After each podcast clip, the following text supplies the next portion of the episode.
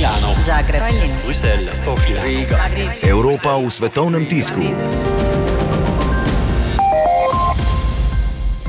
V nemškem Frankfurter Allgemeine Zeitung pišejo, da želi biti Frankfurt prijazen do kolesarjev.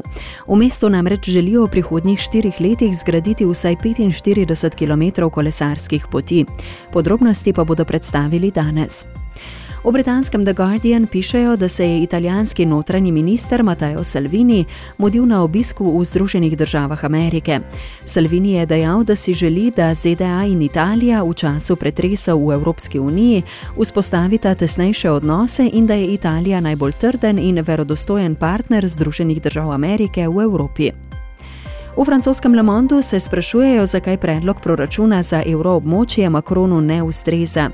Finančni ministri Evropske unije sicer še vedno niso dosegli dogovora o stabilizacijski vlogi proračuna, kar si je želela Francija, da bi bil evrski proračun porok stabilnega območja evra.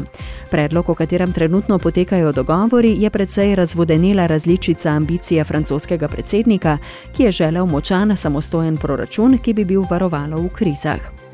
V ameriškem The New York Times pa pišejo, da ZDA zaradi iranske grožnje na Bližnji vzhod pošiljajo še tisoč vojakov.